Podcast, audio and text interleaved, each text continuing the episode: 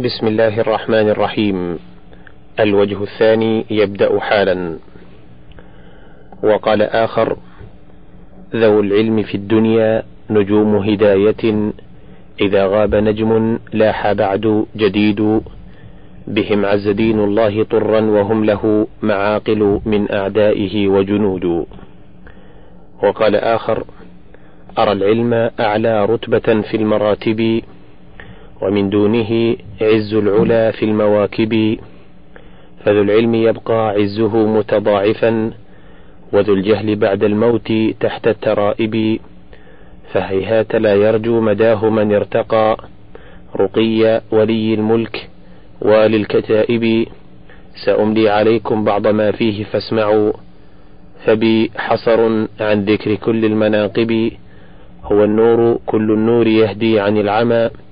وذو الجهل مر الدهر بين الغياهب هو الذروة الشماء تحمي من التجا تحمي من التجا إليها ويمشي آمنا في النوائب. به ينتجي الإنسان في غفلاتهم به يرتجي والروح بين الترائب. به يشفع الإنسان من راح عاصيا إلى درك النيران شر العواقب. فمن رامه رام المآرب كلها. ومن حازه قد حاز كل المطالب هو المنصب العالي فيا صاحب الحجى. إذا نلته هون بفوت المناصب فإن فاتت الدنيا وطيب نعيمها فغمض فإن العلم خير المواهب. اللهم طهر قلوبنا بالتوبة النصوح من الفساد واجمع قلوبنا على محبتك وخشيتك واهدنا إلى أقرب الطرق إليك. وهب لنا من مواهبك الجسام ما يكون وسيلة إلى حلول دار السلام. واغفر لنا ولوالدينا ولجميع المسلمين برحمتك يا أرحم الراحمين. وصلى الله على محمد وعلى آله وصحبه أجمعين. الفصل الثاني عشر. قال ابن القيم رحمه الله: الأصل الأول في العلم وفضله وشرفه وبيان عموم الحاجة إليه وتوقف كمال العبد ونجاته في معاشه ومعاده عليه. قال الله تعالى: شهد الله أنه لا إله إلا هو والملائكة وأولو العلم قائما بالقسط.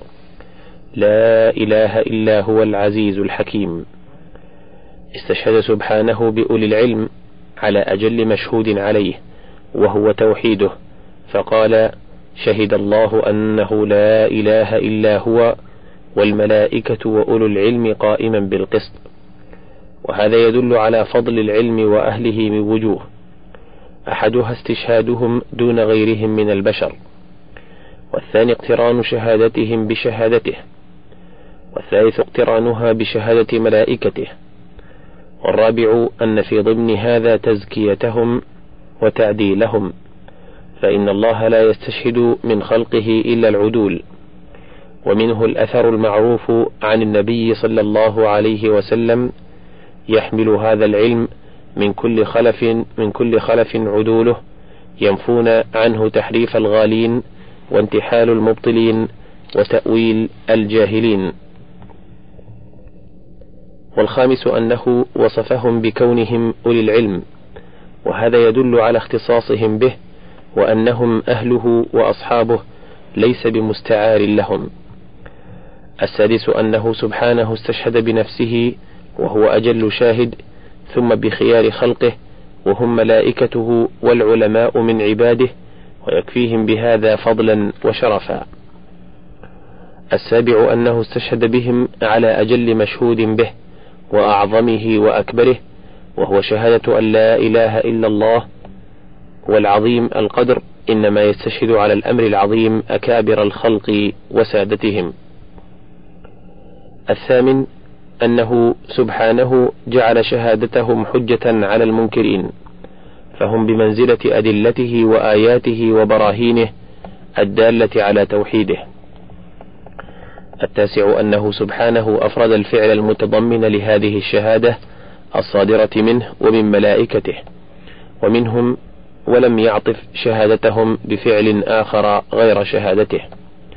وهذا يدل على شدة ارتباط شهادتهم بشهادته فكأنه سبحانه شهد لنفسه بالتوحيد على ألسنتهم وأنطقهم بهذه الشهادة فكان هو الشاهد بها لنفسه إقامة وإنطاقا وتعليما وهم الشاهدون بها له إقرارا واعترافا وتصديقا وإيمانا.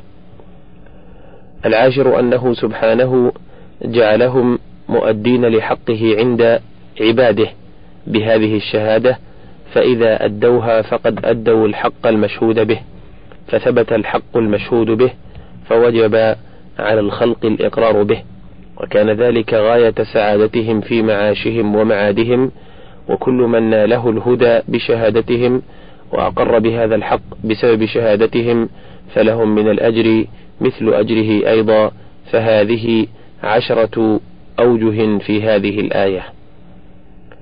الحادي عشر في تفضيل العلم وأهله أنه سبحانه نفى التسوية بين أهله وبين غيرهم كما نفى التسوية بين أصحاب الجنة وأصحاب النار.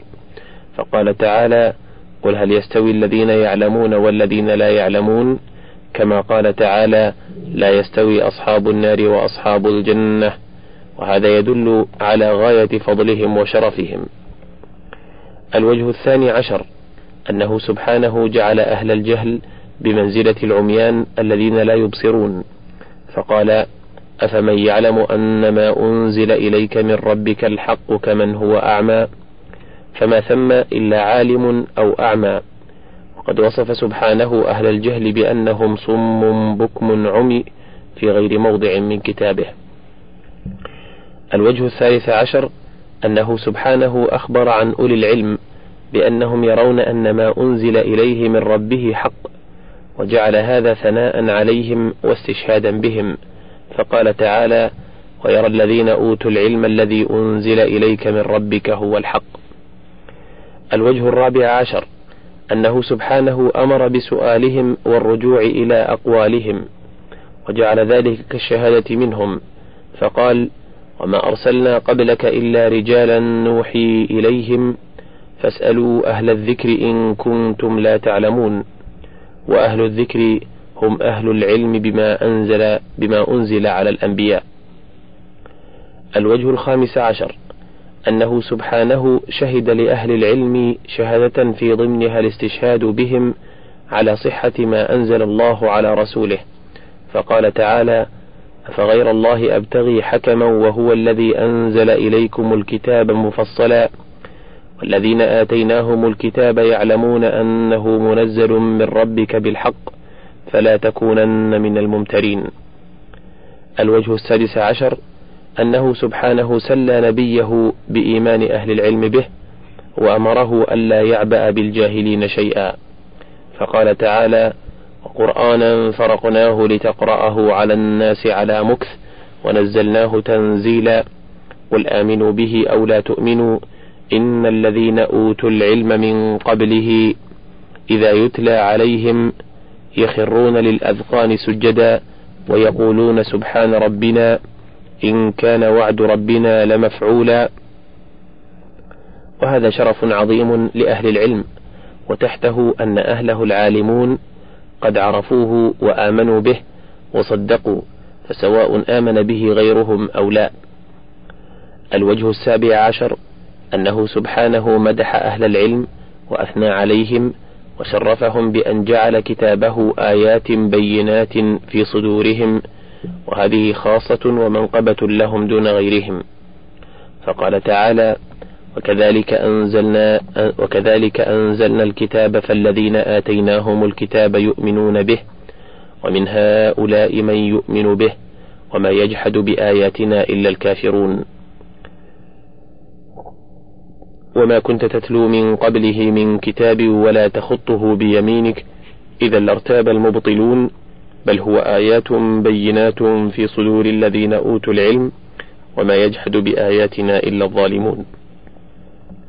وسواء كان المعنى أن القرآن مستقر في صدور الذين أوتوا العلم ثابت فيها محفوظ وهو في نفسه آيات بينات فيكون أخبر عنه بخبرين.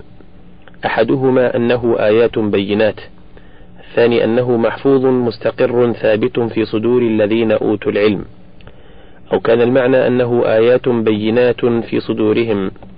أي كونه آيات بينات معلوم لهم ثابت في صدورهم والقولان متلازمان ليس بمختلفين وعلى التقديرين فهو مدح لهم وثناء عليهم في ضمنه الاستشهاد بهم فتأمله. الوجه الثامن عشر أنه سبحانه أمر نبيه أن يسأله مزيد العلم فقال تعالى فتعالى الله الملك الحق ولا تعجل بالقرآن من قبل أن يقضى إليك وحيه وقل رب زدني علما. وكفى بهذا شرفا للعلم أن أمر نبيه أن يسأله المزيد منه. اللهم علمنا ما ينفعنا وانفعنا وارفعنا بما علمتنا. الوجه التاسع عشر أنه سبحانه أخبر عن رفعه درجات أهل العلم والإيمان خاصة. فقال تعالى يا أيها الذين آمنوا إذا قيل لكم تفسحوا في المجالس فافسحوا يفسح الله لكم. وإذا قيل انشزوا فانشزوا يرفع الله الذين آمنوا منكم والذين أوتوا العلم درجات والله بما تعملون خبير. قصيدة في الحث على طلب العلم. يا تاركا لمراض الله أوطانا وسالكا في طريق العلم أحزانا كن باذل الجد في علم الحديث تنل كل العلوم وكن بالأصل مشتانا. فالعلم أفضل مطلوب وطالبه من أكمل الناس ميزانا ورجحانا. والعلم نور فكن بالعلم معتصما. إن رمت فوزا لدى الرحمن مولانا. وهو النجاة وفيه الخير أجمعه. والجاهلون أخف الناس ميزانا. والعلم يرفع بيتا كان منخفضا. والجهل يخفضه لو كان ما كان وأرفع الناس أهل العلم منزلة وأوضع الناس من قد كان حيرانا. لا يهتدي لطريق الحق من عمه بل كان بالجهل ممن نال خسرانا. تلقاه بين الورى بالجهل منكسرا. لا يدري ما زانه في الناس أو شانا والعلم يرفعه فوق الورى درجا والناس تعرفه بالفضل إذعانا وطالب العلم إن يظفر ببغيته ينال بالعلم غفرانا ورضوانا فاطلبه مجتهدا ما عشت محتسبا لا تبتغي بدلا إن كنت يقظانا. من ناله نال في الدارين منزلة أو فاته نال خسرانا ونقصانا. وباذل الجد في تحصيله زمنا ولم يكن نال بعد الجد عرفانا. فلن يضيع له سعي ولا عمل عند الإله ولا يوليه خسرانا. فطالب العلم إن أصفى سريرته ينال من ربنا عفوا ورضوانا. فالعلم يرفعه في الخلد منزلة والجهل يصليه يوم الحشر نيرانا. والجهل في هذه الدنيا ينقصه والعلم يكسوه تاج العز إعلانا. وإن تريد نهج هذا العلم تسلكه أو رمت يوما لما قد قلت برهانا فألق سمعا لما أبدي وكن يقظا ولا تكن غافلا عن ذاك كسلانا. قد ألف الشيخ في التوحيد مختصرا يكفي أخ اللب إيضاحا وتبيانا. فيه البيان لتوحيد الإله بما قد يفعل العبد للطاعات إيمانا حبا وخوفا وتعظيما له ورجا وخشية منه للرحمن إذعانا. كذاك نذرا وذبحا واستغاثتنا والاستعانة بالمعبود مولانا وغير ذلك مما كان يفعله لله من طاعة سرا وإعلانا وفيه توحيدنا رب العباد بما قد يفعل الله إحكاما وإتقانا خلقا ورزقا وإحياء ومقدرة بالاختراع لما قد شاء أو كان ويخرج الأمر عن طوق العباد له وذاك من شأنه أعظم به شانا. وفيه توحيدنا الرحمن أن له صفات مجد وأسماء لمولانا. تسع وتسعون اسما غير ما خفيت. لا يستطيع لها الإنسان حسبانا. مما به استأثر الرحمن خالقنا. أو كان علمه الرحمن إنسانا. نمرها كيف جاءت لا نكيفها. بل لا نؤولها تأويل من مانا وفيه تبيان إشراك يناقضه بل ما ينافيه من كفران من خانا أو كان يقدح في التوحيد من بدع شنعاء أحدثها من كان فتانا أو المعاصي التي تزري بفاعلها مما ينقص توحيدا وإيمانا فساق أنواع توحيد الإله كما قد كان يعرفه من كان يقضانا. وساق فيه الذي قد كان ينقصه وساق فيه الذي قد كان ينقضه لتعرف الحق بالأضداد إمعانا مضمنا كل باب من تراجمه من النصوص أحاديثا وقرآنا فالشيخ ضمنه ما يطمئن له قلب الموحد إيضاحا وتبيانا فاشدد يديك به في الأصل معتصما يرثك فيما سواه الله عرفانا. وانظر بقلبك في مبنى تراجمه تلقى هنالك للتحقيق عنوانا وللمسائل فانظر تلقاها حكما يزداد منهن, منهن أهل العلم إتقانا. وقل جزى الله شيخ المسلمين كما قد شاد للملة السمحاء أركانا. فقام لله يدعو الناس مجتهدا حتى استجابوا له مثنى ووحدانا ووحدوا الله حقا لا شريك له من بعد من همكوا في الكفر أزمانا وأصبح الناس بعد الجهل قد علموا وطالما هدموا للدين بنيانا وأظهر الله هذا الدين وانتشرت أحكامه في الورى من بعد أن كان بالجهل والكفر قد أرست معالمه. لا يعرف الناس إلا الكفر أزمانا يدعون غير الإله الحق من سفه ويطلبون من الأموات غفرانا. وينسكون لغير الله ما ذبحوا وينذرون لغير الله قربانا ويستغيثون بالأموات إن عظمت وأعضلت شدة من حادث كان ويندبون لها زيدا ليكشفها بل يندبون لها تاجا وشمسانا. فزال ثم بهذا الشيخ حين دعا من صد أو ند عن توحيد مولانا فليس من أحد يدعو وليجته. يوما بنجد ولا يدعون أوثانا بل الدعاء كله والدين أجمعه لله لا لسوى الرحمن إيمانا فالله يعليه في الفردوس منزلة فضلا وجودا وتكريما وإحسانا والله يوليه ألطافا ومغفرة ورحمة منه إحسانا ورضوانا ثم الصلاة على المعصوم سيدنا أزكى البرية إيمانا وعرفانا ما نضى برق وما هب النسيم وما مس الحجيج لبيت الله أركانا أو قهقه الرعد في هدباء مدجنة أو ناح طير على الأغصان أزمانا والآل والصحب ثم التابعين لهم على المحجة إيمانا وإحسانا. اللهم هب لنا ما وهبته لأوليائك وتوفنا وأنت راض عنا وقد قبلت اليسير منا واجعلنا يا مولانا من عبادك الذين لا خوف عليهم ولا هم يحزنون. واغفر لنا ولوالدينا ولجميع المسلمين برحمتك يا أرحم الراحمين وصلى الله على محمد وعلى آله وصحبه أجمعين. الفصل الثالث عشر. وقد أخبر سبحانه في كتابه برفع الدرجات في أربعة مواضع أحدها هذا والثاني قوله إنما المؤمنون الذين إذا ذكر الله وجلت قلوبهم وإذا تليت عليهم آياته زادتهم إيمانا وعلى ربهم يتوكلون. الذين يقيمون الصلاة ومما رزقناهم ينفقون. أولئك هم المؤمنون حقا. لهم درجات عند ربهم ومغفرة ورزق كريم.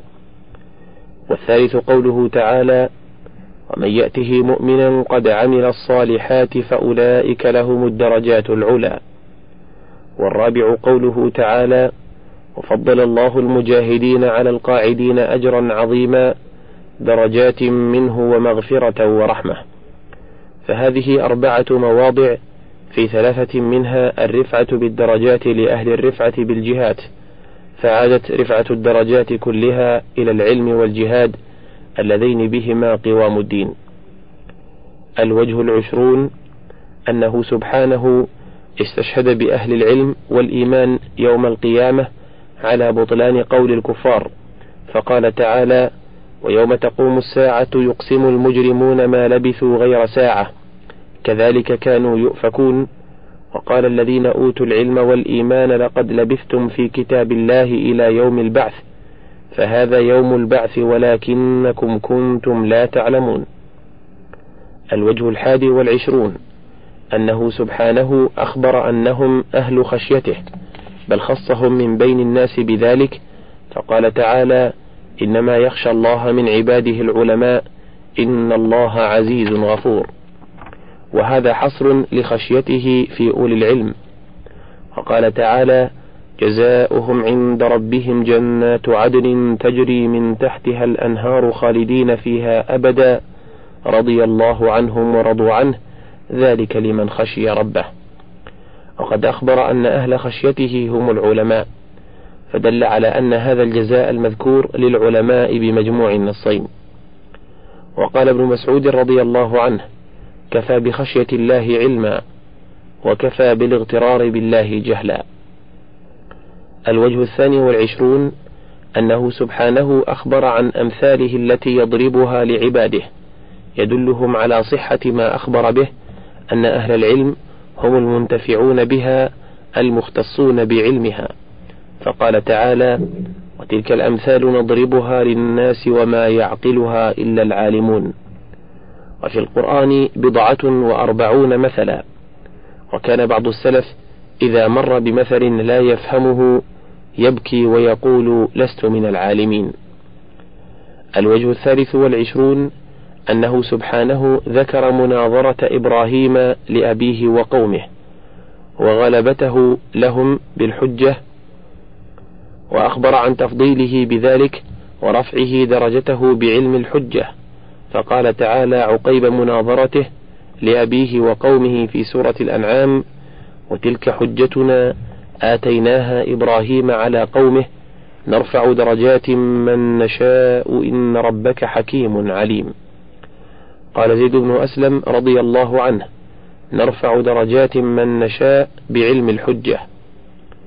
الوجه الرابع والعشرون أنه سبحانه أخبر أنه خلق الخلق ووضع بيته الحرام والشهر الحرام والهدي والقلائد ليعلم عباده أنه بكل شيء عليم وعلى كل شيء قدير. فقال تعالى الله الذي خلق سبع سماوات ومن الأرض مثلهن يتنزل الأمر, الأمر بينهن لتعلموا أن الله على كل شيء قدير وأن الله قد أحاط بكل شيء علما. فدل على أن علم العباد بربهم وصفاته وعبادته وحده هو الغاية المطلوبة من الخلق والأمر. العلم يغرس كل فضل فاجتهد ألا يفوتك فضل ذاك المغرس. واعلم بأن العلم ليس يناله من همه في مطعم أو ملبس إلا أخو العلم الذي يزهو به في حالتيه عاريا أو مكتسي. فاجعل لنفسك منه حظا وافرا واهجر له طيب الرقاد وعبسي. فلعل يوما إن حضرت بمجلس كنت الرئيس وفخر ذاك المجلس. وقال آخر إذا ما اعتز ذو علم بعلم فعلم الفقه أولى باعتزاز فكم طيب يفوح ولا كمسك وكم طير يطير ولا كبازي وقال آخر يا طالب العلم لا تركن إلى الكسل واعجل فقد خلق الإنسان من عجل واستعمل الصبر في كسب العلوم وقل أعوذ بالله من علم بلا عمل. وقال آخر الفقه أنفس شيء أنت ذاخره من يدرس العلم لم تدرس مفاخره. فاكسب لنفسك ما أصبحت تجهله فأول العلم إقبال وآخره. وقال آخر إذا لم يزد علم الفتى قلبه هدى وسيرته عدلا وأخلاقه حسنا فبشره أن الله أولاه فتنة تغشيه حرمانا وتوسعه حزنا. وقال آخر عود بنيك على الآداب في الصغر كيما تقر بهم عيناك في الكبر فإنما مثل الآداب تجمعها في عنفوان الصبا كالنقش في الحجر هي الكنوز التي تنمو ذخائرها ولا يخاف عليها حادث الغير إن الأديب إذا زلت به قدم يهوي على فرش الديباج والسرور فائدة لو لم يكن من فضل العلم إلا أن الجهال يهابونك ويجلونك وأن العلماء العاملون بعلمهم البعيدون عن الرياء وحب الظهور يحبونك ويكرمونك لكان ذلك سببا داعيا إلى وجوب طلبه فكيف بسائر فضائله في الدنيا والآخرة؟ ولو لم يكن من نقص الجهل إلا أن صاحبه يحسد العلماء ويحتقر ويحتقر عند الناس حتى عند أهله وأقربائه وجيرانه فكيف بسائر رذائله ومساويه في الدنيا والآخرة؟ ولو لم يكن من فضل العلم إلا أنه يقطع المشتغل به عن الوساوس المضنية والأفكار الرديئة ومطارح الآمال التي لا تفيد غير الهم والغم لكان ذلك أعظم داع فكيف وله من الفضائل والمحاسن ما يطول ذكره. ألا رب من قد أنحل الزهد جسمه كثير صلاة دائم الصوم عابد يروم وصالا وهو بالطرق جاهل إذا جهل المقصود قد خاب قاصد قليل من الأعمال بالعلم نافع كثير من الأعمال بالجهل فاسد. اللهم اعف عن تقصيرنا في طاعتك وشكرك وأدم لنا لزوم الطريق إلى ما يقربنا إليك وهب لنا نورا نهتدي به إليك ويسر لنا ما يسرته لأهل محبتك وأيقظنا من غفلاتنا وألهمنا رشدنا واسترنا في دنيانا وآخرتنا واحشرنا في زمرة المتقين وألحقنا بعبادك الصالحين. واغفر لنا ولوالدينا ولجميع المسلمين الأحياء منهم والميتين برحمتك يا أرحم الراحمين صلى الله على محمد وآله وصحبه أجمعين. فصل. الوجه الخامس والعشرون أنه سبحانه أمر أهل العلم بالفرح بما آتاهم وأخبر أنه خير مما يجمعونه مما يجمعه الناس. فقال قل بفضل الله وبرحمته فبذلك فليفرحوا هو خير مما يجمعون. وفسر الله الفضل بالإيمان ورحمته بالقرآن والإيمان والقرآن هما العلم النافع والعمل الصالح والهدى ودين الحق وهما أفضل علم وأفضل عمل. الوجه السادس والعشرون أنه سبحانه شهد لمن آتاه العلم بأنه قد آتاه خيرا كثيرا. فقال تعالى يؤتي الحكمة من يشاء ومن يؤت الحكمة فقد أوتي خيرا كثيرا. قال ابن قتيبة والجمهور الحكمة إصابة الحق والعمل به وهي العلم النافع والعمل الصالح. الوجه السابع والعشرون أنه سبحانه عدد نعمه وفضله على رسوله صلى الله عليه وسلم وجعل من أجلها أن آتاه الكتاب والحكمة وعلمه ما لم يكن يعلم. فقال تعالى وأنزل الله عليك الكتاب والحكمة وعلمك ما لم تكن تعلم وكان فضل الله عليك عظيما. الوجه الثامن والعشرون أنه سبحانه ذكر عباده المؤمنين بهذه النعمة وأمرهم بشكرها بل ذكرهم بهذه النعمة وأمرهم بشكرها وأن يذكروه على إسدائها إليهم. فقال تعالى كما أرسلنا فيكم رسولا منكم يتلو عليكم آياتنا ويزكيكم ويعلمكم الكتاب والحكمة ويعلمكم ما لم تكونوا تعلمون.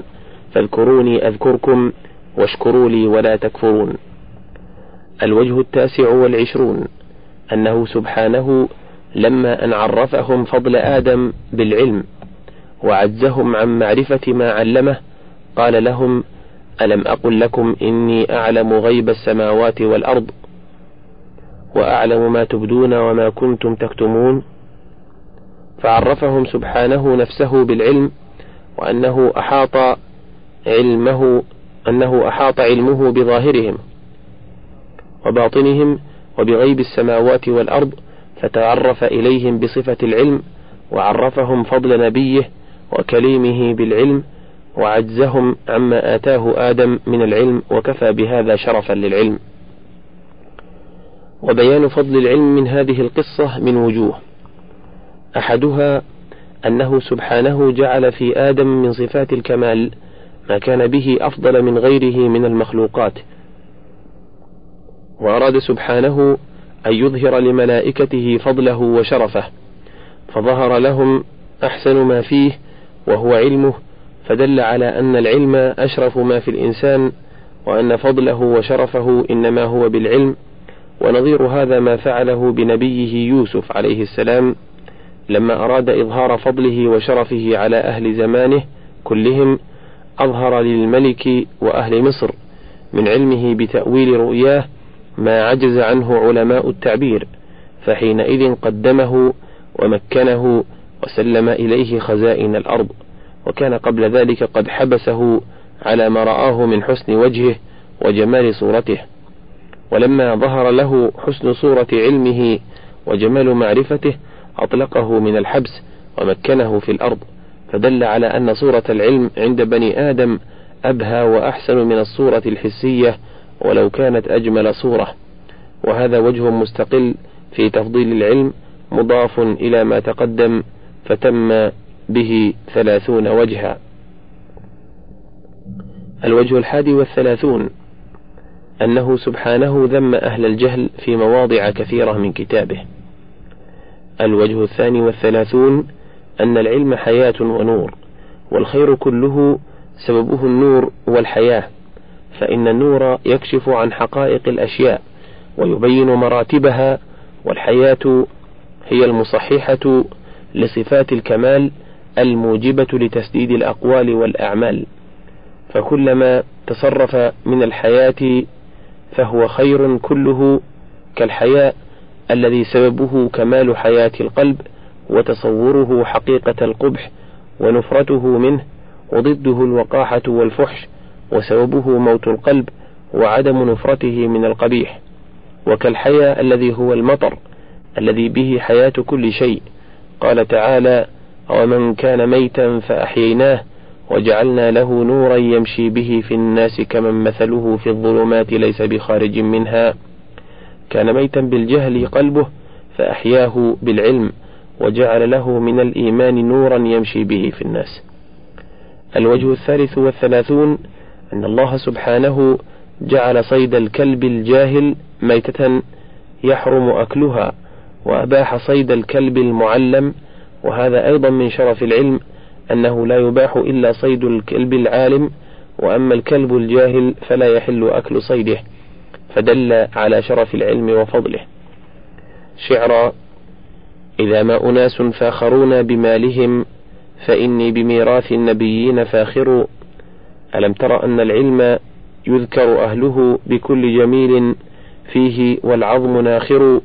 سقى الله أجداثا أجنت معاشرا لهم أبحر من كل علم زواخر. وقال رحمه الله الله سبحانه وتعالى خلق الخلق لعبادته الجامعة لمحبته وإيثار مرضاته المستلزمة لمعرفته ونصب للعباد علما لا كمال لهم إلا به. وهو أن تكون حركاتهم كلها موافقة على وفق مرضاته ومحبته. ولذلك أرسل رسله وأنزل كتبه وشرع شرائعه. فكمال العبد الذي لا كمال له إلا به أن تكون حركاته موافقة لما يحبه الله منه ويرضاه له. ولهذا جعل اتباع رسوله صلى الله عليه وسلم دليلا على محبته.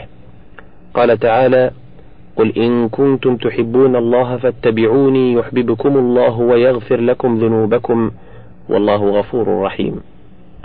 فالمحب الصادق يرى خيانة منه لمحبوبه أن يتحرك بتحركة اختيارية في غير مرضاته وإذا فعل فعلا مما أبيح له بموجب طبيعته وشهوته تاب منه كما يتوب من الذنوب.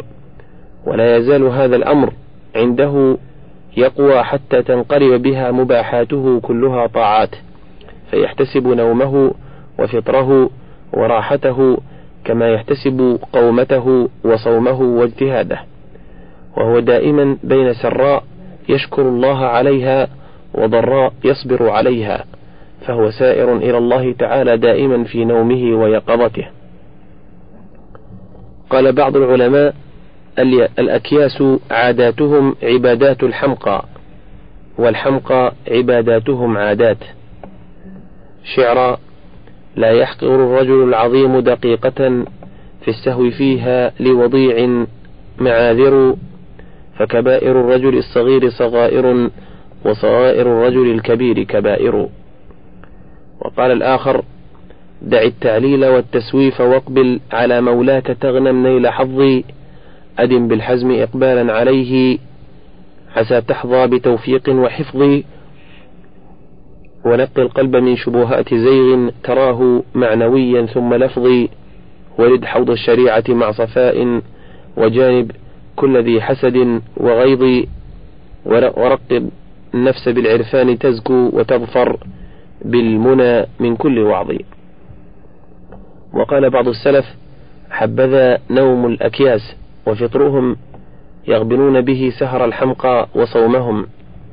فالمحب الصادق إن نطق نطق لله وبالله وإن سكت سكت لله وإن تحرك فبأمر الله وإن سكن فسكونه استعانة على مرضاة الله فهو لله وبالله ومع الله.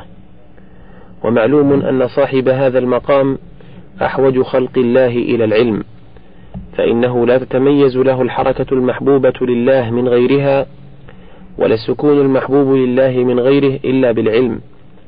فليست حاجته إلى العلم كحاجة من طلب العلم لذاته ولأنه في نفسه صفة كمال بل حاجته إليه كحاجته إلى ما به قوام نفسه وذاته.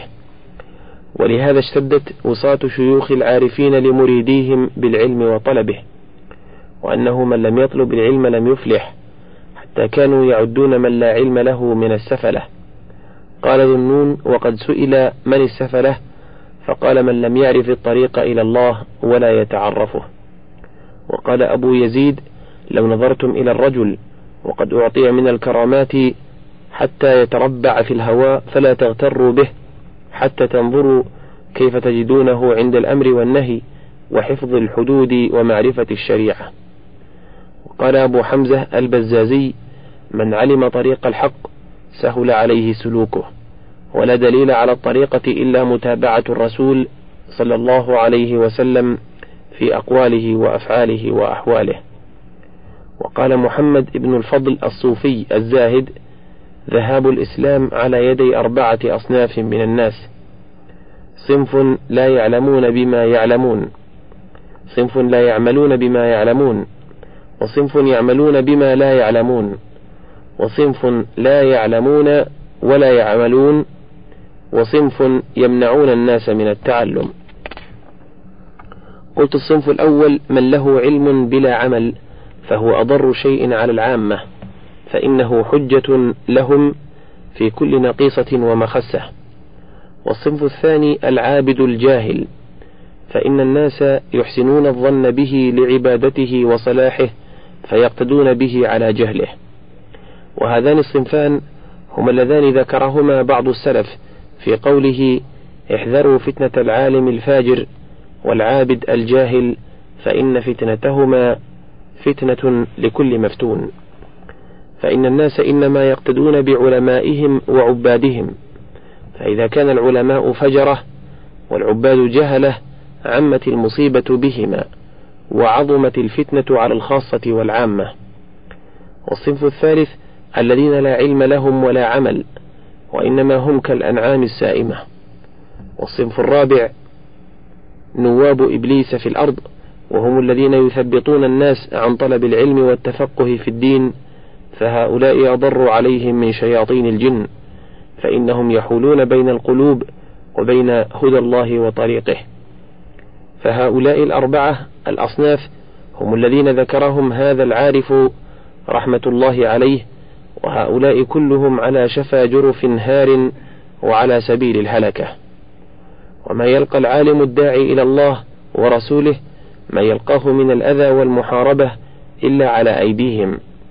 والله يستعمل من يشاء في سخطه كما يستعمل من يشاء في مرضاته إنه بعباده خبير بصير.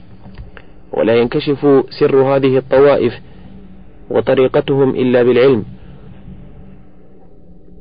فعاد الخير بحذافيره في العلم وموجبه والشر بحذافيره إلى الجهل وموجبه. ذر العلم في الدنيا نجوم هداية ذو العلم في الدنيا نجوم هداية. إذا غاب نجم لاح بعد جديد بهم عز دين الله طرا وهم له معاقل من أعدائه وجنود ولو لم يقم أهل الحديث بنقله فمن كان يروي علمه ويفيد هم ورثوا علم النبوة واحتووا من الفضل ما عنه الأنام رقود وهم كمصابيح الدجى يهتدى بهم وما لهم بعد الممات خمود. اللهم وفقنا لاتباع الهدى وجنبنا أسباب الهلاك والشقاء واغفر لنا ولوالدينا ولجميع المسلمين برحمتك يا أرحم الراحمين. صلى الله على محمد وعلى آله وصحبه أجمعين. فصل. وقال ابن رجب رحمه الله فالعلماء بما أنزل الله على رسوله هم الأدلاء والذين يهتدى بهم في ظلمات الجهل والشبه والضلال. فإذا فقدوا ضل السالك قد شبه العلماء بالنجوم. والنجوم فيها ثلاث فوائد يهتدى بها في الظلمات وهي زينة للسماء ورجوم للشياطين الذين يسترقون السمع منها. والعلماء في الأرض يجتمع فيهم هذه الأوصاف الثلاثة. بهم يهتدى في الظلمات وهم زينة للأرض وهم رجوم للشياطين الذين يخلطون الحق بالباطل ويدخلون في الدين ما ليس منه. من أهل الأهواء. وما دام العلم باقيا في الأرض فالناس في هدى وبقاء العلم بقاء حملته. فإذا ذهب حملته ومن يقوم به وقع الناس في الضلال كما في الحديث الصحيح عن النبي صلى الله عليه وسلم.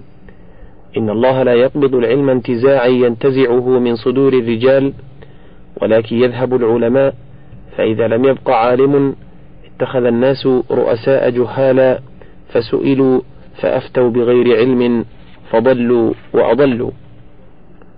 وخرج الترمذي من حديث جبير بن نفير عن أبي الدرداء قال كنا مع النبي صلى الله عليه وسلم فقال هذا أوان يختلس العلم من الناس حتى لا يقدروا منه على شيء فقال زياد بن لبيد يا رسول الله كيف يختلس منا العلم وقد قرأنا القرآن فوالله لنقرأنه ولنقرئنه نساءنا وأبناءنا. فقال فكلتك أمك يا زياد إن كنت لأعدك من فقهاء المدينة. هذه التوراة والإنجيل عند اليهود والنصارى فماذا تغني عنهم؟ قال جبير ابن نفير فلقيت عبادة بن الصامت فقلت ألا تسمع ما يقول أبو الدرداء؟ فأخبرته بالذي قال فقال صدق أبو الدرداء لو شئت لأخبرتك بأول علم يرفع من الناس الخشوع. يوشك أن تدخل المسجد الجامع فلا ترى فيه خاشعا وخرجه النسائي. من فضلك تابع بقية المادة.